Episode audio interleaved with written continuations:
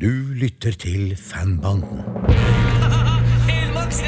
Jeg har en plan. Er det farlig? Nei, steng av du har Kjell. Jeg mener, er det vanskelig? Stopp! Stans! I kongens land! Er ikke troende! Ti stille litt nå.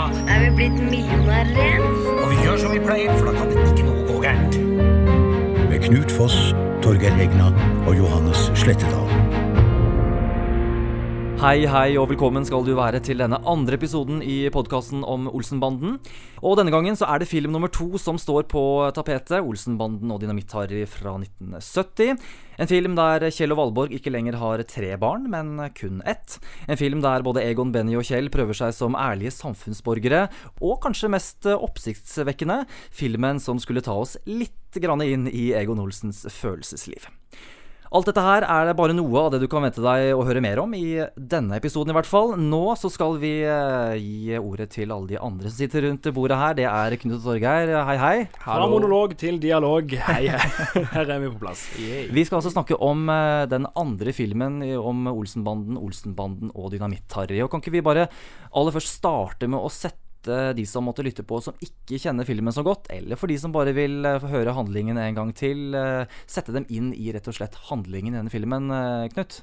Ja, for etter et mislykka bankran med vannpistol, så kommer Egon Olsen ut av botsen som vanlig, men denne gangen er han ikke alene. Ja, det er altså Benny og Kjell og gutten hans, frøken Bodil Hansen. Jeg syns liksom jeg kjenner dere. Herr Olsen har fortalt meg alt om dere. Hva? Ja, det kan jo bli en vanskelig tid fremover nå. Vi får stå sammen alle sammen og hjelpe herr Olsen, ikke sant? Ja, det er klart. Og nå må vi ikke narre herr Olsen til å gjøre gale ting. Må vi vel? Han kommer ut eh, sammen med Bodil Hansen, en sosialarbeider, som har fått eh, Egon Olsen på andre tanke enn å være en forbryter. Hva var det du sa? Forbrytelser lønner seg ikke. Til stor forargelse for Benny og Kjell, og ikke minst Dynamitt-Harry, som er den nye karakteren her i filmen. Kvinnfolk og sosial elevatorfiask. Det er triste greier, det. Det er sørgelige saker, det. Inni I det hampen bedrøvelig er det. Det er ikke noe inni hampen. Det er stor lykke. Dere bare skjønner det ikke. Egon får med seg Benny og Kjell ut i arbeidslivet. De får seg jobb på Riggenes eh, bryggerifabrikk, eh, og etter hvert òg i Norges Bank. Men da blir de plutselig uskyldig mistenkt når noen amerikanske gangstere kommer inn og stjeler de norske kronjuvelene. Vi må melde dere til politiet. Nei, det nytter ikke. Men tror det oss? Vi må etter dem. Det er vår eneste sjanse. Vi må få tak i sakene og få gitt det tilbake. Og dermed er jakta i gang med både biljakter og skytevåpen. Olsenband må bevise sin uskyld, og Egon vil gjenvinne sin tillit til sin kjære Bodil Hansen. Vil dere at jeg skal tro på dette sprøytet her?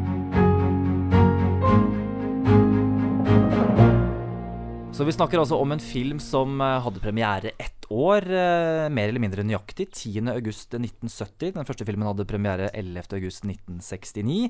Og de, eh, ja, de var bitt av basillen. De så hvor stor suksess film nummer én hadde hatt, og de ville prøve seg med film, en film eh, nummer to. Og da gikk de videre i produksjonen. De satte i gang produksjonen av film nummer to, men da var ikke staben helt lik som den, som den, førre, for, for, som den første. For vi snakker jo da altså om en stab som ikke hadde Knut Bovim som regissør, men en svenske, Knut.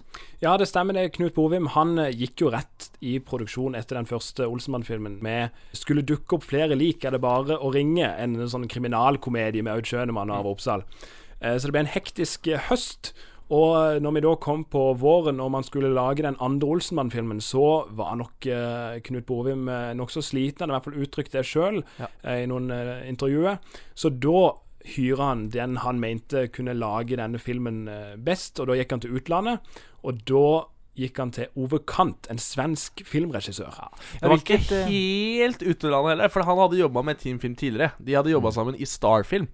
Og de hadde Grunnen til at Knut Bovim eh, tenkte på Ove Kant, var fordi at han hadde den samme eh, raske klipperytmen som reklamefilmene allerede da begynte, eh, begynte med, og som Olsenbanden på mange måter introduserte for norsk film, da. Ja, for Olsenbanden, både den første og den andre, har jo en klippestil som er veldig annerledes. Altså, det går veldig kjapt. Spesielt den første filmen. Det snakka vi om i forrige episode, at det går jo fra action til action til action-scene. Mm. Det, det tar aldri slutt. Det er, det er aldri et pusterom, nærmest. Ja, for hvor, eh, for hvor uh, ulike vil vi si at eh, film nummer to Altså hvor tydelig ser vi at uh, den eh, andre filmen om Olsenbanden har en annen regissør enn film nummer én? Jeg ser ikke så stor forskjell på kanskje registilen, eh, men du ser jo at eh, på en måte um, Fortellinga er annerledes. Fortellinga er annerledes, og På hvilken måte da? følelsene. Nei, altså eh, vi, må, vi må jo huske at eh, det var jo ikke tenkt at en skulle lage 14 Olsenbanden-filmer. Så her kommer vi til film nummer to, eh, og det er jo ikke gjentagende. Dette er en ny story og en ny vinkling. I den første filmen så handla det om uh, å, å få de store, mange millionene å reise til, til Syden og, bli, og leve som millionærer. Mens den andre filmen da, det handler om Ja vel, så lønner ikke forbrytelse seg. Da prøver vi noe annet. Og så skal denne banden prøve seg som hederlige borgere. Så en vet jo ikke helt hva som var planen til ja, Erik Balling og Henning Bass, som skrev de danske manusene. Om dette kanskje skulle være en trilogi, der det liksom var tre forskjellige Ja. settinger disse karakterene blir satt i. Så det er en veldig annerledes film, dette her. Absolutt. Og så ser du at de, de beveger seg vekk fra farsen. For den første filmen var jo veldig farsete. Mens den andre vil jeg jo ikke si har noe farse i det hele tatt. Nei, Hva er- mener du med, med da farse? Ja, det er fortfilm. det er jo det jeg mener. Altså, Benny Hill.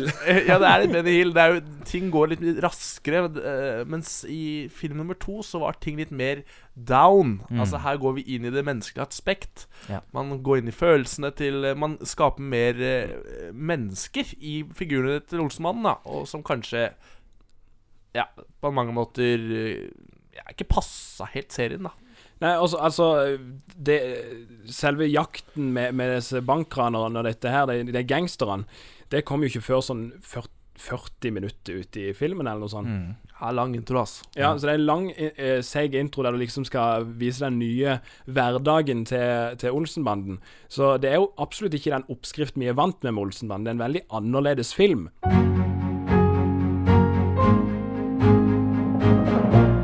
Og denne filmen den inneholder jo flere store eh, kupp. Altså Vi har eh, først eh, det mislykkede bankranet på Stabekk. Eh, vi har en historie også der. Ja. Kan vi bare ta den kort først? Ja, den er litt morsom. Fordi eh, når produksjonen skulle ut og filme dette her på Stabekk Det er åpningskuppet. Åpningskuppet der hvor, eh, der hvor Egon kommer ut med en vannpistol og, og en helt udugelig Finlandshette, som alle kan se hvem han er.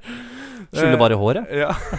Så det var i hvert fall nok til at en uh, tilfeldig forbipasserende sivilpolitimann gikk forbi og så hva som skjedde, og trodde at det var et reelt ran på, på, på, på gang. da Så han for jo hjem og henta gunneren sin og eh, liksom sitt eh, hva sier man, skilt og sin identitet som Ja. politimann. Ja. Og kom tilbake I tjeneste. i tjeneste og begynte å løpe etter Karsten Byring, visstnok, og skulle prøve å fange han. Og så måtte jo bare produksjonen si Hei, hei, stopp, stopp, dette er avklart på forhånd. Og, så det har blitt en god historie da siden. Men ja. Ja. det er veldig gøy. Altså Dette her er jo filmen der Olsenbanden prøver seg Altså prøver å bli ærlige samfunnsborgere. Først Egon. Benny og Kjell vil jo ikke være med på det når han kommer ut av fengsel. De tror jo faktisk ikke sine egne ører når de hører at Egon vil bli en, en skikkelig eh, arbeidskar. Ja, ja, jeg, jeg må henge lunta på han, jeg. Jeg har lovet det, så jeg Harry, smil og vær glad.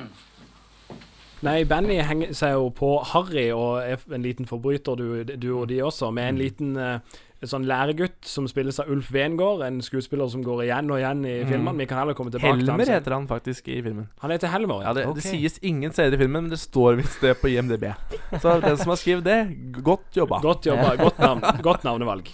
Fint. Men eh, Vi kan komme tilbake til Ulf Wengård i en senere episode, men han er jo en gjenganger som har en liten rolle der. Absolutt. Og, da, og der er det jo et gøy shot av Dynamitt-Harry òg, som eh, skal til å sprenge et pengeskap. eh, skal ta seg en eh, liten slurk med øl før han sprenger, som han alltid må. eh, men tar feil flaske og drikker nitroglyserin. Og så var det noen få drypp med nerveolje. Så Skal vi se. Meget skadelig. Han eksploderer, men han dør jo ikke. Nei, det er jo litt i slapstick-land uh, ennå her, så, så er det bare en, en gøy visuell effekt uh, som ikke Han er bare lappa litt sammen uh, med noe bandasje på huet i, i de neste scenene, så er det greit. Sprengt ut hele innmaten. Hva hadde han gjort. Ja, ja. Nei, men de, de prøver seg som sagt som ærlige samfunnsborgere. Det får de ikke til. De er som, som nevnt tidligere på Ringnes sitt bryggeri. Der eh, knuses flasker og alt går ad undas. Så skal de til eh, Norges Bank.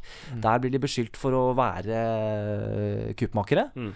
Og da gjør de jo som ærlige samfunnsborgere, da. De eh, må ta opp jakten. Redde skinnet sitt, rett og slett. Rett og slett. Ja.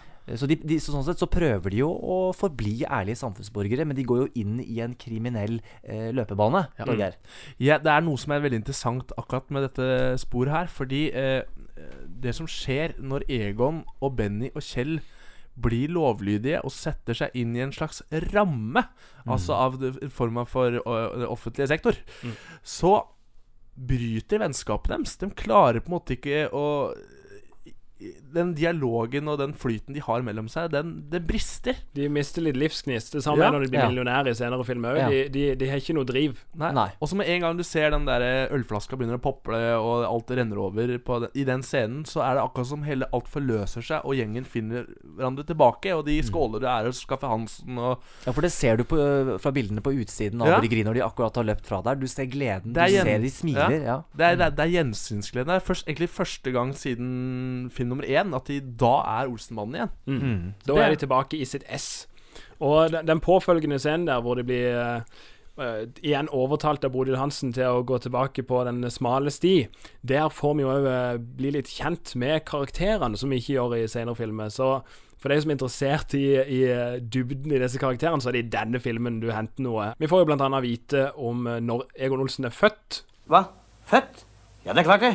13. i 3. 23. Og ikke nok med det når eh, Egon havner i fengsel for første gang. Det er vel Benny som får snakke seg, og Egon blir litt eh, blir litt uh, forlegen for Bodil Hansen når han forteller at uh, Egon han, han åkte inn første gangen da han dopa en travrest så han døde. Ja, det er ganske ekstremt, syns jeg. Det er ganske det er fjernt fra eh, eh, ellers eh, Altså senere kriminalitet, uh, i hvert fall ifølge som. Olsenbanden gjør. Ja. Ja. Jeg bare sier også, Det kommer jo også frem at uh, Benny og Harry det er, De er jo to eh, nesten så å si foreldreløse barn. Der får vi vite at de er brødre. Der får vi vite at de er brødre. Det er vi en time minutter. inn i filmen, Ja. nesten. Og du kaller meg min bror? Ingen far har man, ingen mor har man. Og der sitter ens bror. Er det noe rart at man er blitt sånn er blitt? Ja, men Harry, hør nå her! Nei, nei! Og han som tar vare på dem, eh, disse foreldreløse eh, herrene her, det er jo, eh, det er jo Hansen.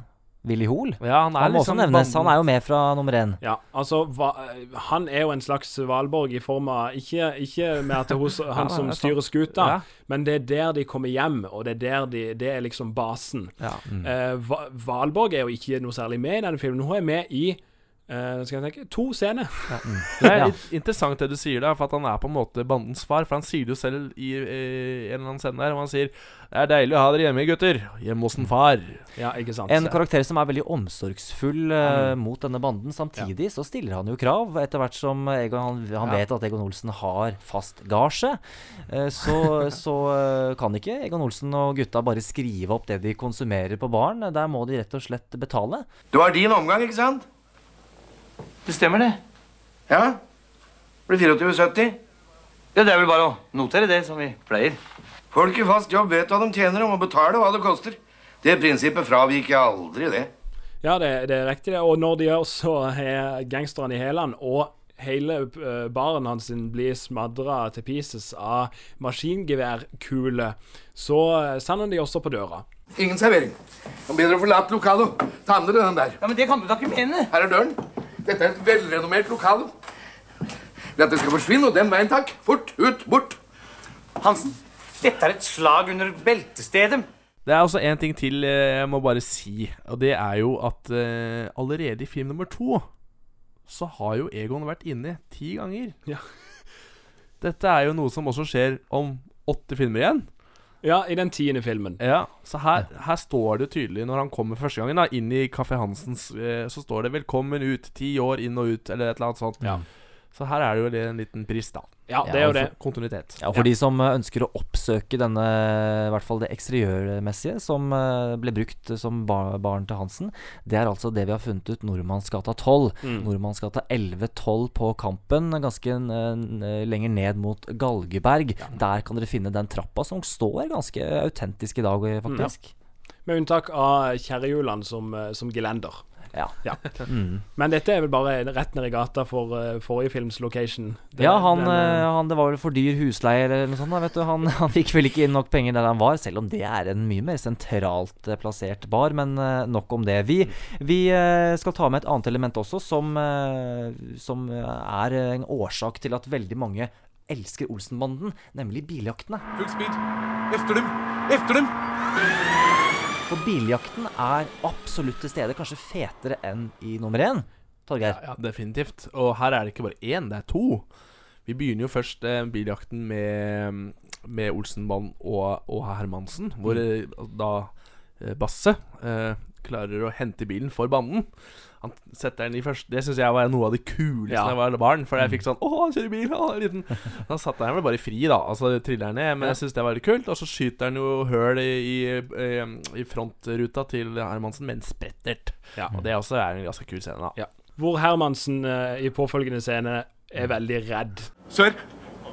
Hermansen her. Ja, sør. Jeg melder at vi er forulykket, sør. Ja, meget beklagelig, sør. Men sør, sir vi, vi ble beskutt. De folkene er meget farlige, er tungt bevæpnet. De blir beskutt! Vi blir beskutt. Det, Det ble et tydelig jumpcut der, for du ser jo da når eh, frontruten Ja. angivelig har blitt knust. Så de har jo bytter det ut med et filter. Ja, og så Ja, har det morsomme er plutselig Hermansen byttet posisjon også. Ja. Ja. Det morsomme er at han blir, han blir påskutt eh, i Basse sitt eh, bilde på Kampen, og han kjører utafor på Frogner. Ja, ja, for det, for, ja, for dette går jo igjen i, i filmene. Altså hvis den, ja. Nå er jo ikke jeg fra Jeg Oslo, det. men etter hvert som jeg har bodd i Oslo noen år, så ser jeg jo mer og mer at disse disse biljaktene viser jo eh, Oslo sånn som det var den gangen, eh, og også i et veldig vidt spekter, eh, sånn hvis du ser på kartet. Fordi at eh, en scene kan, kan, kan foregå på Karl Johan, og så plutselig så er du ute på Ulven. Så, Mm. så det er noen veldige hopp, men, men det fungerer. Altså, jeg som ikke bodde har kjent åssen geografien er i Oslo, så, så har jeg syntes det har vært en eh, god flyt i ja, Altså, Ikke noe kontinuitetsbrudd der, altså. Jeg vet også, som du sier, så har det vært, eh, det har vært oppe til diskusjon før av anmeldere og kritikere og sånn. Og jeg tenker at dette her er jo ikke et NRK-program minutt for minutt heller. Dette Nei. er jo fiksjon. Ja, og de tenker de, Jeg tror ikke de, de, de tenker mer på location enn på geografisk plassering. Altså I den første filmen så var jo kunstutstillinga på Børsen. Altså Børsen er jo Jeg tror aldri Børsen har hatt en kunstutstilling før, men det var fordi bygget så fett ut. Ja.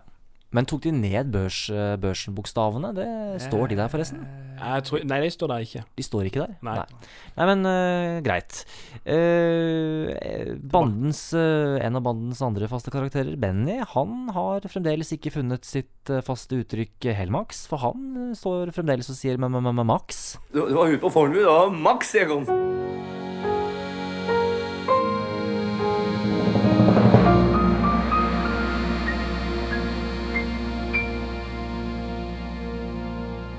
Skal vi nå gå tilbake til tittelrollen, eh, Dynamitt-Harry? For hvilken Jeg vet ikke om vi svarte godt nok på det i sted, men altså Dynamitt-Harry, en helt ny karakter som skulle bli viktig for banden i de påfølgende filmene.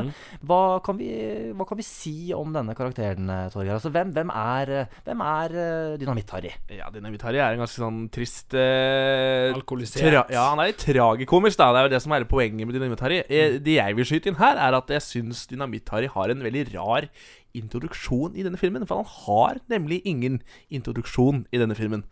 Han kommer plutselig inn i filmen som en plutselig et fjerdemedlem og sier Dempe litt, grann, Harry! Hold kjeften, hvor er de værhane? Ja, ja, men dr- Bare redd jeg får tak i han der i spikerhatten hans skalkegon. Kan du ikke drøye litt? grann? Det går kanskje over, Du det der. sverga på at Ja, ja, det er klart det sverga, men jeg står standby. Du! De smellene. Det er ikke deg jeg trenger. Det er han. Geni! Distraktøren! Ja, men det ordner seg det der, der Harry, om et par dager. Ja, men han er gått litt i, i vranglås. Så men, men hvem er han her? Ja. man får ikke vite at man får ikke vite at det er broren til Benny før midt i filmen. Nei. Så det er veldig sånn artig Selvfølgelig vet jo folk det nå, ikke sant, i alle år etterpå. Men altså, det, første gang man så den på 70-tallet, så var det nok en litt sånn hvem er dette for en fyr? Ja, for de er ikke veldig like. Du kan ikke se på dem at de er brødre. det kan det kan vi bare det. si. Også, men bare for å svare tilbake på det du spurte om, da. Så er han en, en tragikomisk figur som er sterkt alkoholisert, og som ikke klarer øh, å fullføre oppgavene sine uten alkohol. Altså, Det er det hans store svakhet er. da Det er jo alkoholen. Og drivkraft. Og drivkraft. For Hvis du fjerner alkoholen fra Harry, så er han på en måte ingenting. Han er en nervebunt. Men hvis han har alkoholen, så er han på en måte Da kan han alt. Raska på nå, da! Så, så, så, ikke stress meg, ikke stress meg. Jeg må få ro, jeg må få ro. Å, hadde jeg bare hatt en liten øl. Harry, da. Trykka, da! Ikke mas, ikke mas! For hvor mye tror, har den alkoholen uh, Hvor mye av det alkoholkonsumet står i manus, og hvor mye av det Mm. er Heide Steen? Ja, jeg vet ikke hvor mye vi skal spekulere der, men det har jo blitt kjent i ettertid. At, at, vi har ikke hørt noe om at han var alkoholisert på sett, eller noe sånt. Men han var en som var glad i å feste på den tida, og han har sjøl snakka om i boka si at uh, veldig kort tid etter den innspillinga så ble han jo faktisk innlagt eh, f- eh, av et- illebefinnende rundt eh, et alkoholmisbruk. Ja. Altså, denne, dette her uh, I den filmen her så er jo uh, Harald Heidesteen jr. på sitt verste, på en måte, i, i, i sitt helseliv, da, på en måte. Eh, og det, det, som du sier, bare rett Altså, et år etter denne innspillingen så gikk det jo skeis som en hann og vesenlønn, fordi det ble for, my- det tok for, for mye av, rett og slett. Og det endte med at han fikk en leversvikt og, og holdt på å dø. Mm. Og det trodde jo hele Altså bransjen trodde jo at nå går Harald Heidsten jr. dunken, liksom. Men vi satser på at det var rett og slett en god skuespiller som kunne spille full, og at han ja, vi. ikke var full på Ja, det tror jeg ja. absolutt. Vi- han, burde, satser på det. han kunne fått en pris for den, eh, for den eh, innlevelsen. Altså. Nei, men han har en veldig god karakter i den første. I den første, Veldig, første- veldig god til å spille full, det må vi si. Og så er han jo ganske annerledes i forhold til de eh, senere filmene. Fordi Harry i denne filmen er veldig sår. Apropos tilbake til det med vi snakker om følelser i karakterene. Han er en veldig sånn eh, en trist figur da som syns veldig synd på seg selv. Føler kanskje ikke at han har så veldig mange rundt seg, og vil veldig gjerne være en del av Olsenmannen. eh, som han på en måte blir, men så blir han liksom veldig raskt når de finner hverandre tilbake senere i filmen, så blir han liksom utelukka igjen, da. Ja, og Et eksempel eh, på den sårheten, det kan dere jo høre her. Det skal jeg fortelle dem. Jeg har ikke hatt det lett. Jeg har aldri hatt noen far. Så sørgelig. Er, det, er så, jeg har, det har vært ganske dårligere med mor også. Jeg har, jeg har bare hatt en liten stetante. Stakkar, stakkar dem, de har sannelig ikke hatt det lett. Nei. Men hvilken betydning har Dynamitt-Harry for Olsenbanden-universet? Hva, skal vi- hva kan vi si der? Veldig stor. Eh, Både story og økonomisk. ja, ja, ja, si. definitivt. Ja, For han trakk mange ekstrapublikummere til kinosalene, skal vi tro. Ja, Knut Bovim har sagt at eh, det var vel en 100 000 ekstra kinobilletter som ble solgt når Dynamitt-Harry var på plakaten. Og Derfor så ser vi jo i senere filmer òg at eh, han har jo blitt skrevet inn i serien, eh, selv om han i den danske filmen ikke er med. Og han er Data-Harry, og eh, mot nye høyder, så er jo egentlig ikke han originalt med i storyen. Grunnen til at han dro flere publikummere, var fordi at han tilhørte den nye generasjonen humor. Altså det, Ja. det er det samme som om KLM plutselig skulle hyre inn Bård og Harald. Ja. At det da ville Altså de, Det yngre publikummet ville bli mer frista til å se Olsenmannen, da, kanskje. Ja, Det nådde et bredere spekter eh, i aldersgruppe. Så det er nok en forklaring. Men han, han gjorde jo en lidderlig god innsats i filmene òg. Ja. Eh, Men det er klart karakteren forandrer seg òg gjennom serien. Ja, Dette er det mest seriøse vi ser eh, Dynamitt-Harry, og de senere så er han ikke eh, Altså, med litt senere i serien så, så rører han jo ikke alkohol. Han er jo ikke, han er jo ikke den Nei. Det er ikke en del av karakteren, det. Vi kan jo kanskje komme tilbake til det, eller Ja. skal vi Vi kommer tilbake til det, Ja, ja. foreslår jeg. Og så sånn. tenker jeg at vi heller eh, Skal du si noe mer til det? Ja, det eneste jeg tenkte var at For at originalt så var han bare med i to danske filmer. Altså Han var jo bare med i to filmer hvor han altså da er alkoholisert. Men at han i Norge så fikk han en helt annen popularitet. Mm. Nettopp pga. hvilke skuespillere det var. Mm. Eh, Og derfor så er kanskje Dynamitt-Harry mer unik i Norge enn i Danmark. For er det en av de karakterene vi kan føle mest empati Altså vi får mest medfølelse med? For altså er Ja, dette eller her mer sånn å, å stakkar, tenker du. Ikke Du føler veldig med Dynamitt-Harry? Ja, han er, jo, han er jo en fugleunge med en brukket vinge, Ja. liksom. Ja. Han er jo det. Ja, han er en fyllik, liksom, som, eh, som du syns syns- har et hjerte for. Ja, Ja. absolutt. Ja. En virkelig underdog. Ikke bry dere om meg, dere. Jeg kan godt gå i skogen og dø, jeg. Nytter det ikke allikevel. Jeg skal gå mine egne veier. Tenido, é que Ja, det var eh, Harald det. Nå så skal vi eh, snakke om en annen eh, ny karakter. En kvinne som, om ikke annet, klarte å åpne følelseslivet til Egon Olsen, nemlig Bodil Hansen. Ja, Med unntak av den første filmen, så er jo dette den eneste filmen der det virker som at han har noe seksualliv. Denne Egon Olsen han lever veldig sølibat i resten av serien, ser det ut som. Ja, I den første filmen så er han jo veldig seksuell, kanskje, mer, mens den andre For da er han jo faktisk ligger med Ingeborg Kokk. Ikke at Cook. Mens ja. her er det jo mer eh, følelser innblandet, virker det som. Det andre er et, eh, det er et nummer, rett og slett. Hvem, hvem- hvem, er, eh, hvem er Bodil Hansen, Knut?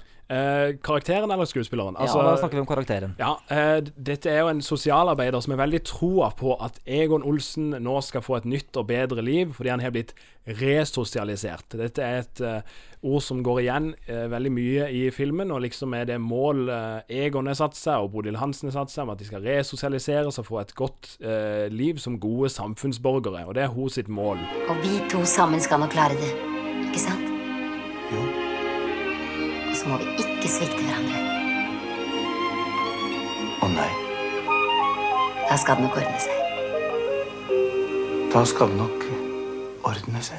Og når det da går skeis med, eh, med at Olsenbanden blir eh, antatt skyldige for dette ranet, så går jo liksom hele hun sin eh, eksamensoppgave i vasken, fordi at alt det hun har investert i, eh, er, er, er ingenting verdt lenger.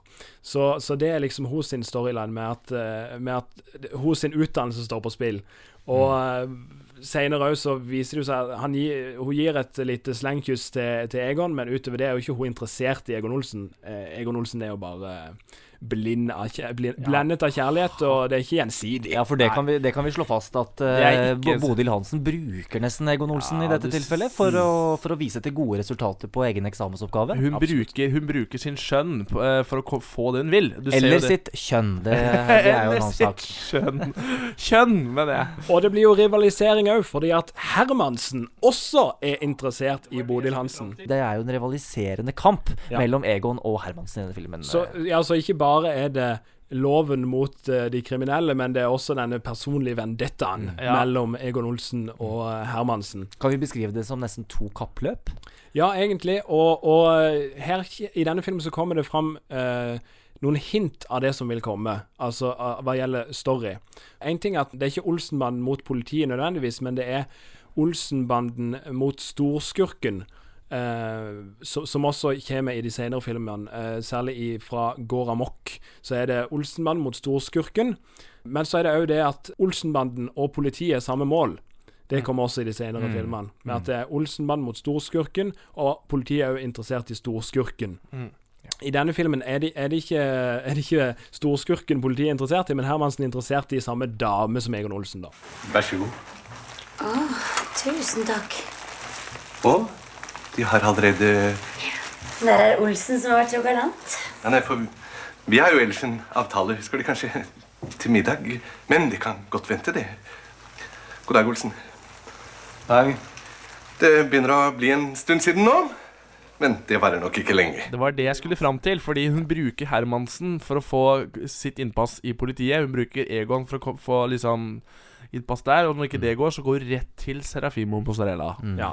En karakter som vi skal komme tilbake til ja, gjøre, eh, men, veldig snart. Men la oss holde oss til eh, Kari Simonsen aller først. Hva, hva Er det noe mer vi kan si om Kari Simonsen som er viktig i måten hun Hun, eh, hun utøver rollen på? Eller hva- er det noe, liksom, vi har mer, noe mer vi har lyst til å si? Og det er jo ikke en humoristisk rolle. Hun er, eller hun er jo nokså lystig. Det, hun er for øvrig hun som hadde stemmen til Solan i Flåklypa. Og før det så var vel med i Vesensten litt på Takk Ja da, for det. hun Og sånn. hun, hadde, hun hadde opparbeida seg som litt sånn eh, med komisk talent, eh, som hun jo også har i denne filmen. Men ikke sånn skratle og komme med punchlines, akkurat. Ja, nei. Nei, men hun er en Hun gjør en god rolle. Ja, Hun, hun hun gjør gjør en det. god rolle. Det ble med den ene filmen, men hun var en skuespiller som, som uh, ble brukt noe, i hvert fall, i forkant av filmen, øh, som du ble nevnt, Wesensten. Og uh, vil jeg absolutt si har hatt suksess med å, å ha den rollen i Olsenbanen. Ja, absolutt. Og så har det ikke Det har ikke noe med hvordan hun tolka rollen som har gjort at ikke, eh, hun ble med videre i Olsenbanen. Det, altså, det er jo bare en hun karakter som det ble er ikke Olsenmannen og damer har jo generelt vært ganske lite av etter den filmen her. Det er stort sett eh, Valborg da som regjerer den uh, stien. Ja. Ja, som uh, mer blir husmor enn en dame, men absolutt en, en dame likevel. Vi, uh, vi nevnte Andy Nei, nå ser jeg Knut rekker opp hånda her. Vi snakker mer om Bodil Hansen. Nei, Det forstår jeg, for hun er en pen dame Ja, for sin tid. Nå skal vi gå videre. Vi skal snakke om Andy Anderson. Torgeir, hvem var egentlig han? Altså Serafima Mozzarella. Du, han er en eh, amerikansk gangster som har fått folka sine til å komme til Oslo for å rane Norges Bank for det norske kronjuveler. Så går det ikke helt som planlagt, og da må jo han selv komme til Norge til syvende og sist for å ordne opp i problemene. Og det er jo der han dukker opp, da. You finished the affair. Oh, why not? Local people? Not possible.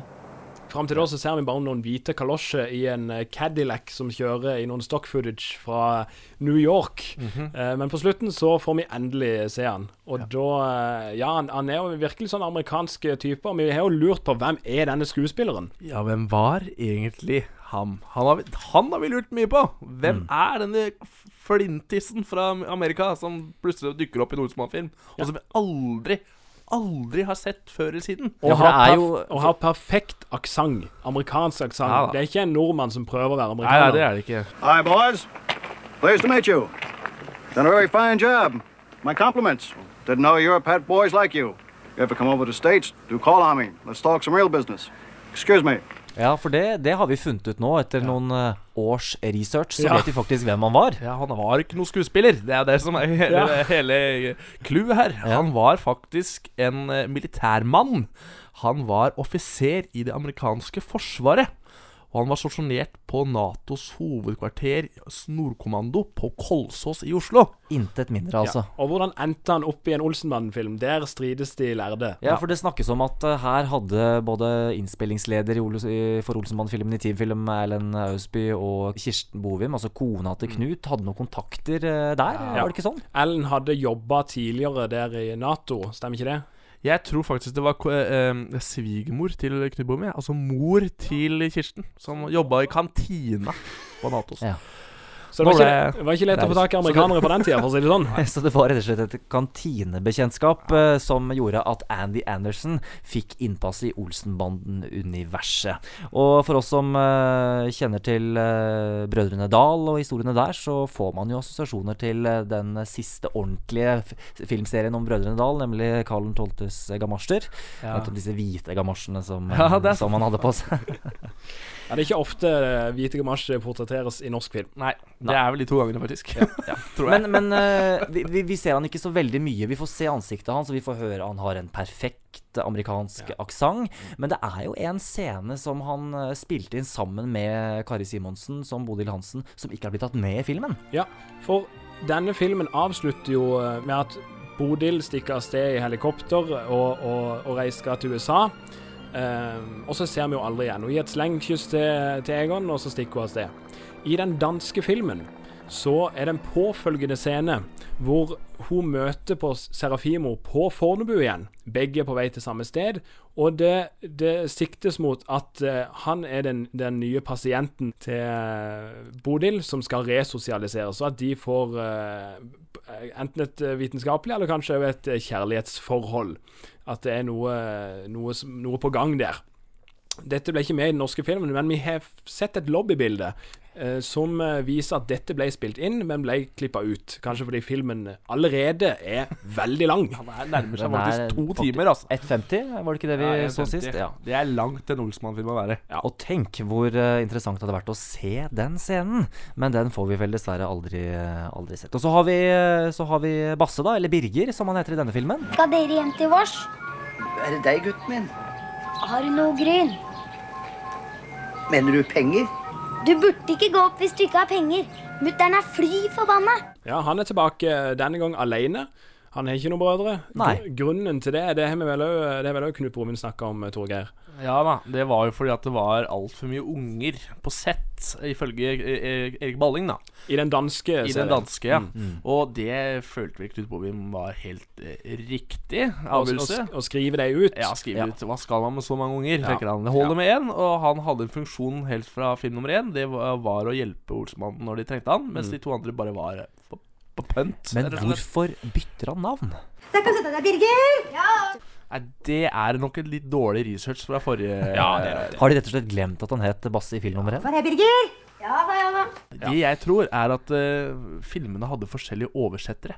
Ja. Ja. Og, og, For Birger er jo et uh, betydeligere danskere navn, eh, hvis det er riktig Ja, å si. for han, han heter jo Burr. Ja.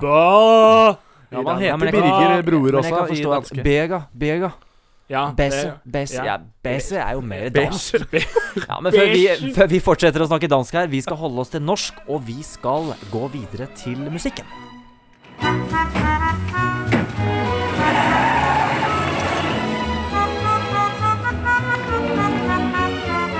Ja, karer, dette her var en annen musikk det, enn den musikken som vi eh, er kjent med fra den første filmen. Den første filmen hadde jo musikk skrevet av Egilmon Iversen, men nå så har altså Olsenbandens eh, danske komponist fått uh, musikken også i de norske filmene. Ja, Det er jo gledelig det at nå hører vi den, den kjente melodien. Altså, Det er jo med munnspill og det hele. Det er mye munnspill i, i denne versjonen.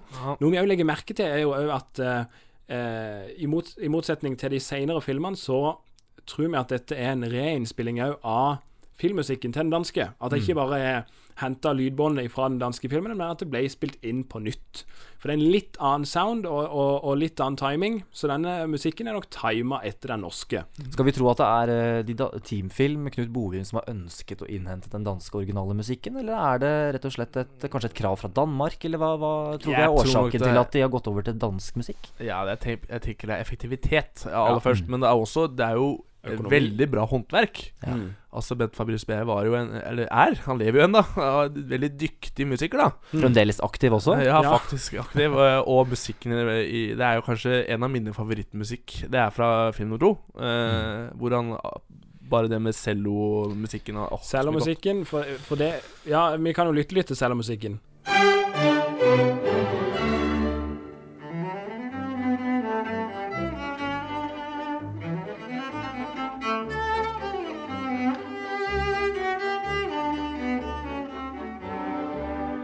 Dette er jo eh, egentlig Altså, han fikk vel bestilling om at han skulle, skulle, eh, skulle hente opp noe gammel Bach eller Nei, Mozart. det var Mozart Ja. cellokonsert fra Mozart som ikke fantes. Eller finnes. Og hva gjør Bent Fabricius Bjerre da? Jo, han skriver jo selvfølgelig sin egen uh, cellokonsert, for, eh, som, som veldig mange faktisk tror er eh, skrevet av en eh, meget eh, velrenommert komponist. Ja, så det, han gjorde en god jobb der. Godt arbeid. Vi kan jo òg nevne den kjærlighetsmelodien som ble lagd for, eh, for Bodil og Egon. er jo veldig nusselig, den òg. Og eh, det er jo òg sånn Det går jo mye i den samme Olsenmannen-temamusikken gjennom filmene, men hver film har liksom sitt eget sånn eh, unike spor. Mm. Eh, Tar gull har den der sørlandsmusikken, holdt jeg på å si. Den kommer vi tilbake til. Eh, men her så er det som liksom går igjen her, det er den kjærlighetsmusikken, og så er det den gangstermusikken. Mm. Med sånn bongotrommer og Ja, skikkelig ja, Veldig James Bond-inspirert. Med den scenen i Norges Bank er jo veldig James Bond. Eh, altså, du, har, du kjører i Hva er det? Infrarød stråle som Ja. får Altså, det er, det er umulig, men likevel. Og Dritkult! Og, Ja. ja, dritkult og forferdelig å høre på. Ja, det er det. det har kosa seg i lydmiksen her, tenker jeg. Her. Og det- det er veldig imponerende rigg også. En veldig kul kulisse. Ja, veldig det ser ut som den er virkelig gjennomarbeida, Ja. men den er vel bygget opp i Norge? Det tror jeg, for den, Ja. den danske er faktisk annerledes. Ja. Så her eh, har de jo virkelig gjort en god jobb eh, i det lille lokalet i Keisers gate.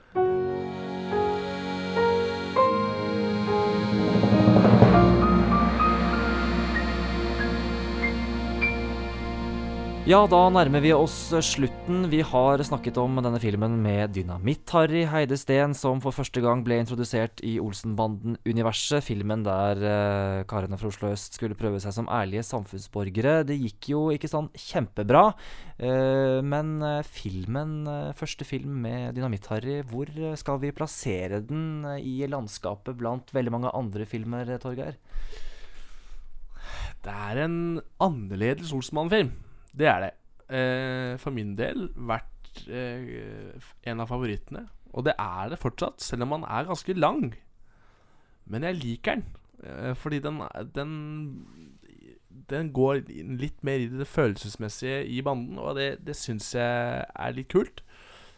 Selv om det ikke passer serien, men så er jeg glad den filmen fins likevel.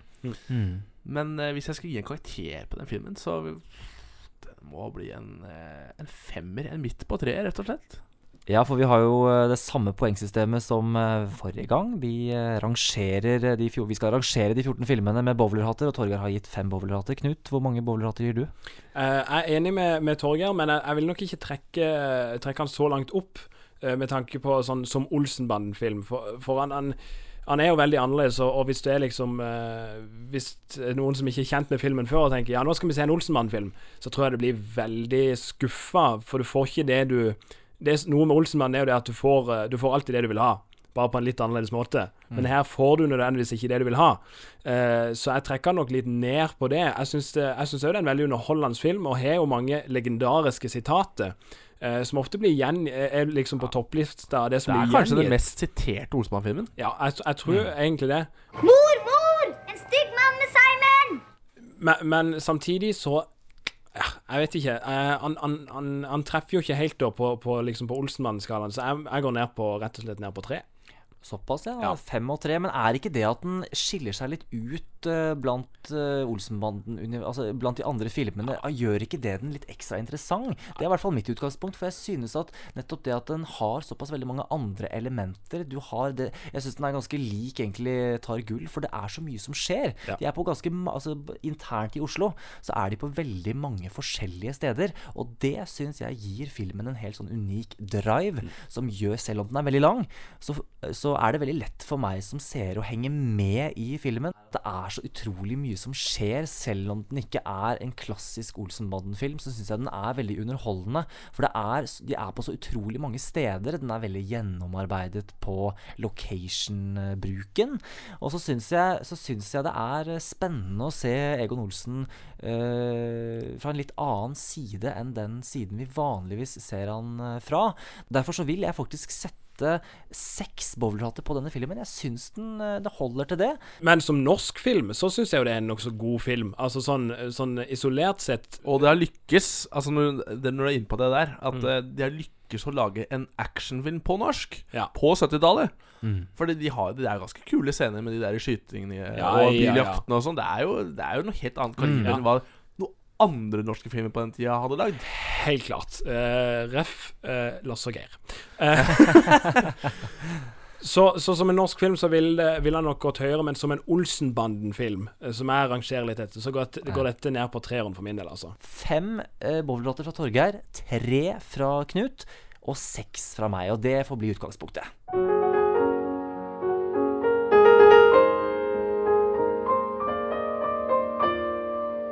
Ja, da har vi snakket oss eh, litt igjennom, eh, eller forhåpentligvis ganske mye, gjennom det som skulle bli film nummer to i rekken av Olsenbande-filmene. Filmen der eh, Dynamitt-Harry fikk eh, vise seg for første gang. Og neste gang så skal vi snakke om eh, den filmen som eh, blant fansen kanskje er den mest likte, nemlig Olsenbanden tar gull fra 1972. Ja, Der er også Heide Steen med, men da i en annen rolle. Ja, og jeg er jo veldig fan av denne fordi at vi reiser jo til Sørlandet. Det er jo en av få norske filmer som har fanga den, den, den sørlandske kultur, selv om han ble spilt inn i Stavern. Og mer om det, det blir det i Og mer om det blir det i eh, neste episode, som kommer om eh, en uke. Eh, akkurat nå så kan ikke vi si annet enn at det er veldig hyggelig at dere lytter til denne podkasten. Det setter vi veldig stor pris på. Og gjerne kommenter og gi oss noen stjerner i iTunes. Da kommer vi litt opp på lista der. Altså er det bare å gi oss eh, tilbakemeldinger. Det setter vi også kjempestore pris på. Neste gang altså så er det Olsenbanden tar gull. Alt er gjennomtenkt til minste detalj. Vi reiser i morgen tidlig. Hva? Reise. Hvor da? Til Sørlandet. Du hørte en podkast fra Fanbanden. Vil du vite mer om Olsenbanden og hva som skjer i jubileumsåret 2019, følg oss på Instagram og Facebook.